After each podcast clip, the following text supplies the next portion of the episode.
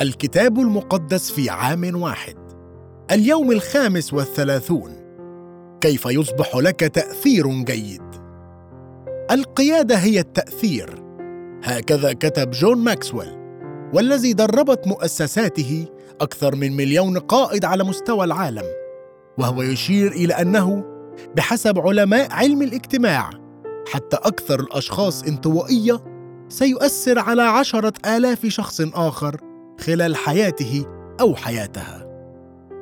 حقيقة الأمر أنه يوجد فقط قائد واحد. في قراءة العهد الجديد اليوم يقول يسوع يوجد فقط قائد واحد لحياتك المسيح يسوع. ولكن على صعيد آخر فكل مسيحي مدعو ليكون قائدا حيث أن الناس الآخرين سينظرون إليك بصفتك نموذجا. لديك تأثير على الآخرين. بطرق مختلفة. أن تكون مدعوا من الله لتؤثر على الآخرين فهذا امتياز عظيم لكنه يحمل معه أيضا مسؤولية عظيمة. المزمور الثامن عشر من عدد خمسة وعشرون إلى عدد ستة وثلاثون. مع الرحيم تكون رحيما مع الرجل الكامل تكون كاملا مع الطاهر تكون طاهرا. ومع الأعوج تكون ملتويا. لأنك أنت تخلص الشعب البائس والأعين المرتفعة تضعها. لأنك أنت تضيء سراجي. الرب إلهي ينير ظلمتي. لأني بك اقتحمت جيشا وبإلهي تسورت أسوارا. الله طريقه كامل. قول الرب نقي. ترس هو لجميع المحتمين به. لأنه من هو إله غير الرب؟ ومن هو صخرة سوى إلهنا؟ الإله الذي يمنطقني بالقوة ويصير طريقي كاملا. الذي يجعل رجلي كالإيل وعلى مرتفعاتي يقيمني. الذي يعلم يدي القتال فتحنى بذراعي قوس من نحاس. وتجعل لي ترس خلاصك ويمينك تعضدني ولطفك يعظمني. توسع خطواتي تحتي فلم تتقلقل عقباي الثقة. كان داود قائدا لديه ثقة. لكنها لم تكن ثقة بالنفس بل ثقة في الله. لأني بك اقتحمت جيشا وبإلهي تصورت أسوارا. ميز داود أنه يحتاج الله لأجل الحماية. ترس هو لجميع المحتمين به وتجعل لي ترس خلاصك. القوة الإله الذي يمنطقني بالقوة ويصير طريقي كاملا. الذي يجعل رجلي كالإيل وعلى مرتفعاتي يقيمني. التدريب الذي يعلم يدي القتال. كنت أقرأ في هذا المضمور في عام 1992 وكانت هذه الآية هي التي جعلتني أدرك احتياجنا لتدريب القادة مستضيفي المجموعات الصغيرة ومساعديهم. قبل أن تبدأ كل دورة لبرنامج ألفا كان هذا أصل تدريب ألفا. التوجيه. لأنك أنت تضيء سراجي الرب إلهي ينير ظلمتي. الله طريقه كامل. قول الرب نقي. يا رب أحتاج لمعونتك. أصلي لأجل الحصول على حمايتك وقوتك وإرشادك. فقدني في طريقك الكامل. متى الأصحاح الثالث والعشرون؟ حينئذ خاطب يسوع الجموع وتلاميذه قائلا على كرسي موسى جلس الكتبة والفريسيون فكل ما قالوا لكم أن تحفظوه فاحفظوه وافعلوه ولكن حسب أعمالهم لا تعملوا لأنهم يقولون ولا يفعلون. فإنهم يحزمون أحمالا ثقيلة عسرة الحمل ويضعونها على أكتاف الناس وهم لا يريدون أن يحركوها بإصبعهم. وكل أعمالهم يعملونها لكي تنظرهم الناس فيعرضون عصائبهم ويعظمون أهداب ثيابهم ويحبون المتكأ الأول في الولائم والمجالس الأولى في المجامع والتحيات في الأسواق وأن يدعوهم الناس. سيدي سيدي. وأما أنتم فلا تدعوا سيدي لأن معلمكم واحد المسيح وأنتم جميعا إخوة. ولا تدعوا لكم أبا على الأرض. لأن أباكم واحد الذي في السماوات. ولا تدعوا معلمين لأن معلمكم واحد المسيح. وأكبركم يكون خادما لكم. فمن يرفع نفسه يتضع ومن يضع نفسه يرتفع. لكن ويل لكم أيها الكتبة والفريسيون المراؤون. لأنكم تغلقون ملكوت السماوات قدام الناس. فلا تدخلون أنتم ولا تدعون الداخلين يدخلون. ويل لكم أيها الكتبة والفريسيون المراؤون. لأنكم تأكلون بيوت الأرامل ولعلة تطيلون صلواتكم. لذلك تأخذون دينونة أعظم. ويل لكم أيها الكتبة والفريسيون المراؤون. لأنكم تطوفون البحر والبر لتكسبوا دخيلا واحدا. ومتى حصل تصنعونه ابنا لجهنم أكثر منكم مضاعفا. ويل لكم أيها القادة العميان. القائلون من حلف بالهيكل فليس بشيء ولكن من حلف بذهب الهيكل يلتزم. أيها الجهال والعميان أيما أعظم الذهب أم الهيكل الذي يقدس الذهب؟ ومن حلف بالمذبح فليس بشيء ولكن من حلف بالقربان الذي عليه يلتزم. أيها الجهال والعميان أيما أعظم القربان أم المذبح الذي يقدس القربان؟ فإن من حلف بالمذبح فقد حلف به وبكل ما عليه ومن حلف بالهيكل فقد حلف به وبالساكن فيه. ومن حلف بالسماء فقد حلف بعرش الله وبالجالس عليه. ويل لكم أيها الكتبة والفريسيون المراؤون. لأنكم تعشرون النعنع والشبث والكمون وتركتم أثقل الناموس الحق والرحمة والإيمان.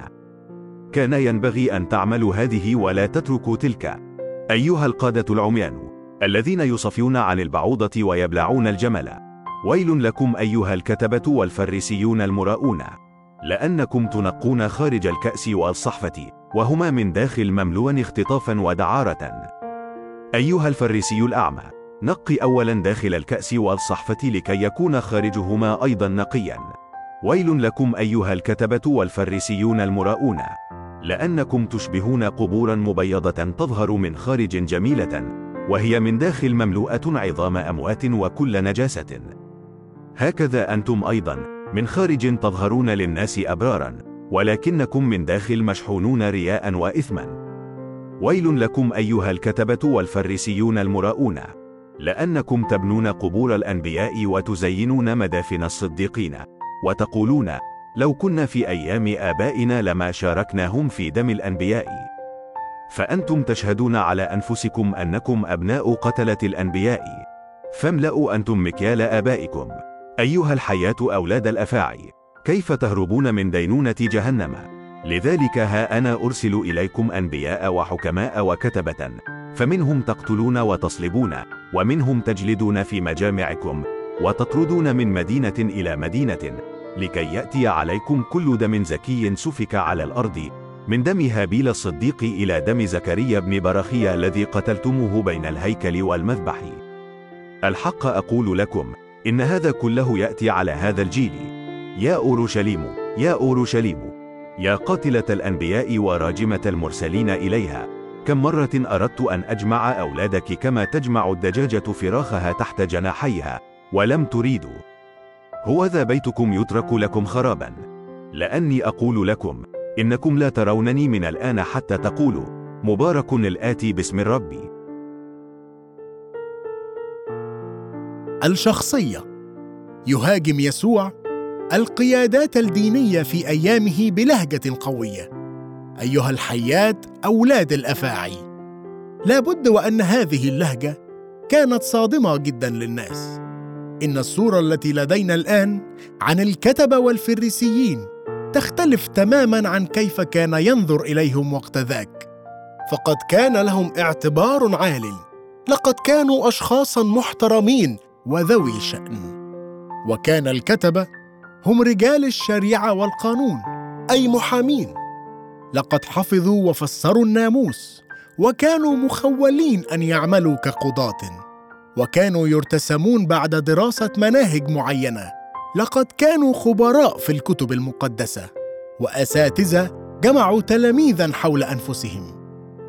كان الفريسيون أناسا علمانيين. وكانوا غالبا يأتون من الطبقات المتوسطة من الشعب على عكس الصدقيين الذين كانوا أكثر أرستقراطية وكانوا محترمين أكثر لأجل تقواهم يصلون ويصومون ويحضرون الخدمات في الهيكل وكانوا يعطون بصورة منتظمة وقد عاشوا حياة مستقيمة وأخلاقية كان لهم تأثير كبير في المجتمع وكان الناس العاديون معجبين بهم. لكن يسوع ينتقدهم لكونهم مرائين. إنهم يتكلمون بكلام جيد لكنهم لا يعيشونه لا يأخذونه إلى قلبهم ويحيونه في سلوكهم. الأمر كله عبارة عن قشرة وطلاء خارجي. تتحدانا ويلات يسوع السبعة لأن نتوق لسبعة سمات للمؤثر الجيد. النزاهة والاستقامة. يهاجم يسوع رياء القادة الدينيين فيقول ولكن حسب أعمالهم لا تعملوا لأنهم يقولون ولا يفعلون فإنهم يحزمون احمالا ثقيلة عثرة الحمل ويضعونها على أكتاف الناس وهم لا يريدون أن يحركوها بإصبعهم. النزاهة هي العكس من هذا إنها تعني ممارسة ما تعظ به وأن تتأكد من أن كلماتك ترفع الناس بدلا من أن تثقل كاهلهم لأسفل بالشعور بالذنب وأعباء أخرى. الأصالة. يهاجم يسوع سطحيتهم فيقول لهم وكل أعمالهم يعملونها لكي تنظرهم الناس. لكن المهم هو من أنت عندما لا يكون أحد يراك. يتحدث يسوع عن حياتك السرية مع الله. اسعى لتنمي حياة خاصة أصيلة مع الله. التواضع. يحذر يسوع من محبة الألقاب والتقدير. كن حذرا حتى لا تغوى بالأماكن الأولى البارزة والمدح العلني والحصول على لقب من نوع أو آخر. يحذر يسوع وأما أنتم فلا تدعوا سيدي. لأن معلمكم واحد المسيح وأنتم جميعا إخوة. ليست هذه إلا تجربة لكن يقول يسوع فمن يرفع نفسه يتضع ومن يضع نفسه يرتفع. اسعى دائما لرفع يسوع بدلا من نفسك. الرحمة والشفقة. يهاجم يسوع القيادات الدينية لأجل وضعهم أحكار عثرة في طريق الآخرين. فيقول لأنكم تغلقون ملكوت السماوات قدام الناس فلا تدخلون أنتم ولا تدعون الداخلين يدخلون. ينبغي أن يكون لدى القادة روح مختلفة على العكس من هذه روح منفتحة ومرحبة بكل شخص. يضع يسوع نفسه نموذجا للرحمة والشفقة فيقول يا أورشليم يا أورشليم! كم مرة أردت أن أجمع أولادك؟ كما تجمع الدجاجة فراخها تحت جناحيها ولم تريدوا. الرؤية. ينبغي أن يكون لدى القادة رؤية متسعة. يهاجم يسوع ضيق الأفق وتفاهة القادة الدينيين. الجهال العميان حيث لم يمكنهم رؤية الغابة للحصول على الشجر. أنت بحاجة إلى التركيز على المواضيع الهامة. وأن تصلي للحصول على رؤية من الله وألا تكون منصرفا عن غايتك. اسأل الله ليعطيك رؤية كبيرة جدا لدرجة أنها بدونه تكون مستحيلة. التركيز. ركز على الأولويات. تجنب أن تنحصر في التفاصيل الأقل أهمية والتمسك بها. يقول يسوع أيها القادة العميان الذين يصفون عن البعوضة ويبلعون الجمل. لكن علينا أن نركز على أثقل الناموس الحق والرحمة والإيمان. حارب ضد الظلم والفقر وقدم الإخلاص في علاقاتك مع عائلتك والآخرين. الكرم هذا عكس الجشع والنرجسية التي يشجبها يسوع. كانت حياتهم الداخلية مختلفة جدا عن حياتهم الخارجية. يدعوك يسوع لأن تكون أنت نفسك لأن يكون الداخل مثل الخارج. هذه معايير عالية جدا وصعبة البلوغ. تعد كلمات يسوع هنا والتي تصل في الذروة إلى حد الويلات. بعض من أقوى ما خرج من فمه. من الضروري أن نلاحظ أنها لم تكن موجهة لأشخاص عاديين. كان يسوع ينتقد قادة أقوياء. كانوا يسعون لرفع أنفسهم. ويغلقون ملكوت السماوات قدام الناس. فلا تدخلون أنتم ولا تدعون الداخلين يدخلون. لا ينبغي أن نستخدم هذه الكلمات كعذر لتوبيخ الأشخاص العاديين أو حتى القادة الذين يسعون بحق. لأن يخبروا الناس عن يسوع. إنها كلمات تتحدانا ولكن لا ينبغي توجيه التحدي للأشخاص الخطأ. الأمر الرائع جدا بخصوص كلمات يسوع هو أنه لو نظرنا من منظور بشري سنجد أنه كان في موقف شديد الضعف ومع هذا لم يكن خائفا أن يتولى أمر مراكز القوة الموجودة في أيامه. سامحني يا رب. لأجل الأوقات التي فشلت فيها في هذه الجوانب. ساعدني لأحيا حياة الاستقامة والأصالة والتواضع والشفقة والرؤية والتركيز والكرم. ساعدني ليكن لدي ولأجل مدينتي نفس اهتمام يسوع لأجل مدينته. أيوب الأصحاح الثالث والثلاثون. ولكن اسمع الآن يا أيوب أقوالي. واصغ إلى كل كلامي. ها أنا ذا قد فتحت فمي. لساني نطق في حنكي. استقامة قلبي كلامي. ومعرفة شفتي هما تنطقان بها خالصة. روح الله صنعني ونسمة القدير أحيتني. إن استطعت فأجبني. أحسن الدعوى أمامي. انتصب ها أنا ذا حسب قولك عوضا عن الله. أنا أيضا من الطين تقرست هو ذا هيبتي لا ترهبك وجلالي لا يثقل عليك. إنك قد قلت في مسامعي وصوت أقوالك سمعت. قلت أنا بريء بلا ذنب. زكي أنا ولا إثم لي. هو ذا يطلب علي علل عداوة. يحسبني عدوا له. وضع رجلي في المقطرة. يراقب كل طرقي. ها إنك في هذا لم تصب. أنا أجيبك لأن الله أعظم من الإنسان. لماذا تخاصمه؟ لأن كل أموره لا يجاوب عنها. لكن الله يتكلم مرة. وباثنتين لا يلاحظ الإنسان. في حلم في رؤيا الليل عند سقوط سبات على الناس في النعاس على المضجع. حينئذ يكشف آذان الناس ويختم على تأديبهم ليحول الإنسان عن عمله ويكتم الكبرياء عن الرجل ليمنع نفسه عن الحفرة وحياته من الزوال بحربة الموت. أيضا يؤدب بالوجع على مضجعه ومخاصمة عظامه دائمة فتكره حياته خبزا. ونفسه الطعام الشهي فيبلى لحمه عن العيان وتنبري عظامه فلا ترى وتقرب نفسه إلى القبع وحياته إلى المميتين. إن وجد عنده مرسل وسيط واحد من ألف ليعلن للإنسان استقامته. يتراءف عليه ويقول أطلقه عن الهبوط إلى الحفرة قد وجدت فدية. يصير لحمه أغض من لحم الصبي ويعود إلى أيام شبابه.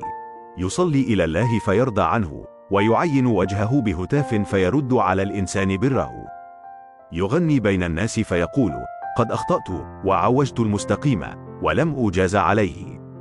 فدى نفسي من العبور إلى الحفرة فترى حياتي النور. هوذا كل هذه يفعلها الله مرتين وثلاثا بالإنسان ليرد نفسه من الحفرة ليستنير بنور الأحياء. فاصغ يا أيوب واستمع لي. انصت فأنا أتكلم.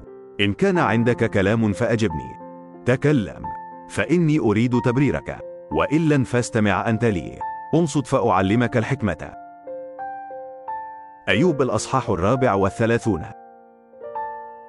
فأجاب أليه وقال اسمعوا أقوالي أيها الحكماء واصغوا لي أيها العارفون. لأن الأذن تمتحن الأقوال كما أن الحنك يذوق طعاما. لنمتحن لأنفسنا الحق ونعرف بين أنفسنا ما هو طيب. لأن أيوب قال تبررت والله نزع حقي. عند محاكمتي أكذب. جرحي عديم الشفاء من دون ذنب.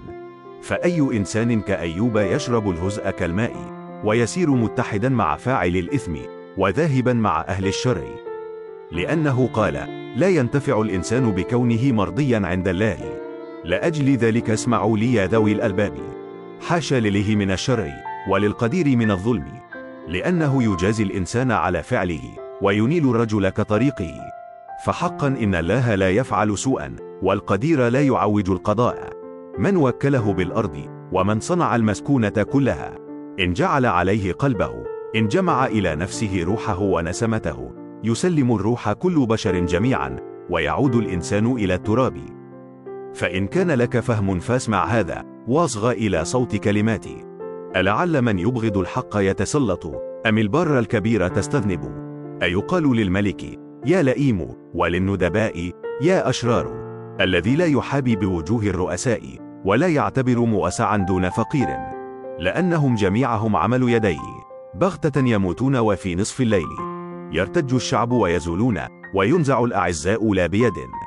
لأن عينيه على طرق الإنسان. وهو يرى كل خطواته. لا ظلام ولا ظل موت حيث تختفي عمال الإثم. لأنه لا يلاحظ الإنسان زمانا للدخول في المحاكمة مع الله. يحطم الأعزاء من دون فحص ويقيم آخرين مكانهم. لكنه يعرف أعمالهم ويقلبهم ليلا فينسحقون. لكونهم أشرارا يصفقهم في مرأى الناظرين. لأنهم انصرفوا من ورائه وكل طرقه لم يتأملوها. حتى بلغوا إليه صراخ المسكين فسمع زعقة البائسين. إذا هو سكن فمن يشغب وإذا حجب وجهه فمن يراه سواء كان على أمة أو على إنسان. حتى لا يملك الفاجر ولا يكون شركا للشعب. ولكن هل لله؟ قال احتملت. لا أعود أفسد. ما لم أبصره فأرنيه أنت. إن كنت قد فعلت إثما فلا أعود أفعله. هل كرأيك يجازيه؟ قائلا. لأنك رفضت. فأنت تختار لا أنا وبما تعرفه تكلم. ذو الألباب يقولون لي بل الرجل الحكيم الذي يسمعني يقول إن أيوب يتكلم بلا معرفة وكلامه ليس بتعقل. فليت أيوب كان يمتحن إلى الغاية من أجل أجوبته كأهل الإثم لكنه أضاف إلى خطيته معصية. يصفق بيننا ويكثر كلامه على الله. الانتقاد.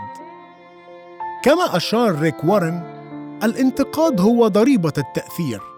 فطالما أنك لا تؤثر على أي شخص فلن يقول أحدا شيئا بخصوصك. لكن كلما ازداد تأثيرك ازداد معه عدد منتقديك. يا لأيوب المسكين الذي كان في موقع بارز في القيادة كان عليه أن يتحمل خطبة طويلة من الإساءة المستمرة من منتقديه وهي محبطة أكثر لأنها تأتي من أصدقائه المزعومين. يكون النقد دائما هو الأصعب عندما يأتي من أناس المفترض أنهم أصدقاءنا. يكون الأمر مؤسفا عندما يأتي الانتقاد غير المبرر للقادة المسيحيين من داخل الكنيسة نفسها ممن يدعون أنهم أصدقاء. لابد أن الأمر كان مثيرا لحنق أيوب جدا إذ كان عليه أن ينصت لأليهو الذي كان أصغر بكثير ومع هذا كان مقتنعا بخبرته الخاصة إذ يقول لأيوب بغطرسة وإلا فاستمع أنت إلي أنصت فأعلمك الحكمة وإن أيوب يتكلم بلا معرفة وكلامه ليس بتعقل وأن يقترح أنه لأنه لم يتفق مع ناقديه. أضاف إلى خطيته معصية. اليهو مثله مثل الكثير من الناقدين. يدعي أنه لسان ينطق في حنكي. استقامة قلبي وكلامي ومعرفة شفتي هما تنطقان بها خالصة. وهو يدعي أن الآخرين يتفقون معه. ذو الألباب يقولون لي بل الرجل الحكيم الذي يسمعني يقول إن أيوب يتكلم بلا معرفة وكلامه ليس بتعقل. نحن أيضا يمكن أن نسقط بسهولة في فخ إدانة شعب الله على أساس سطحي كما فعل أليهو. احذر من مخاطر انتقاد الآخرين. من الجدير بالذكر أن التاريخ لا يمجد الناقدين إلا أن هذا لا يمنعنا إن كنا نريد أن نصبح نقادا. كن حريصا جدا بخصوص ما تقول عن الأشخاص الآخرين. وإن كنت على الطرف المستقبل النقد فلا تتفاجأ. ساعدني يا رب. لأتجنب إصدار أحكام سطحية على الآخرين. امنحني حكمة وحساسية تجاه أولئك الذين يصارعون مع الحياة. ساعدني لأثبت عيني على القائد الوحيد الحقيقي يسوع المسيح ولآتي تحت سيادته وأتبع مثاله وأكون مؤثرا جيدا. بالطبيعة أنا لست قوية جدا بدنيا لذا أحب كل هذه الآيات. وبإلهي تصورت أسوارا. الإله الذي يمنطقني بالقوة. وعلى مرتفعاتي يقيمني الذي يعلم يدي القتال وتجعل لي ترس خلاصك ويمينك تعضدني. عندما أشعر أنني في حالة إعياء وبدنيا لست على القمة تشجعني حقا هذه الكلمات.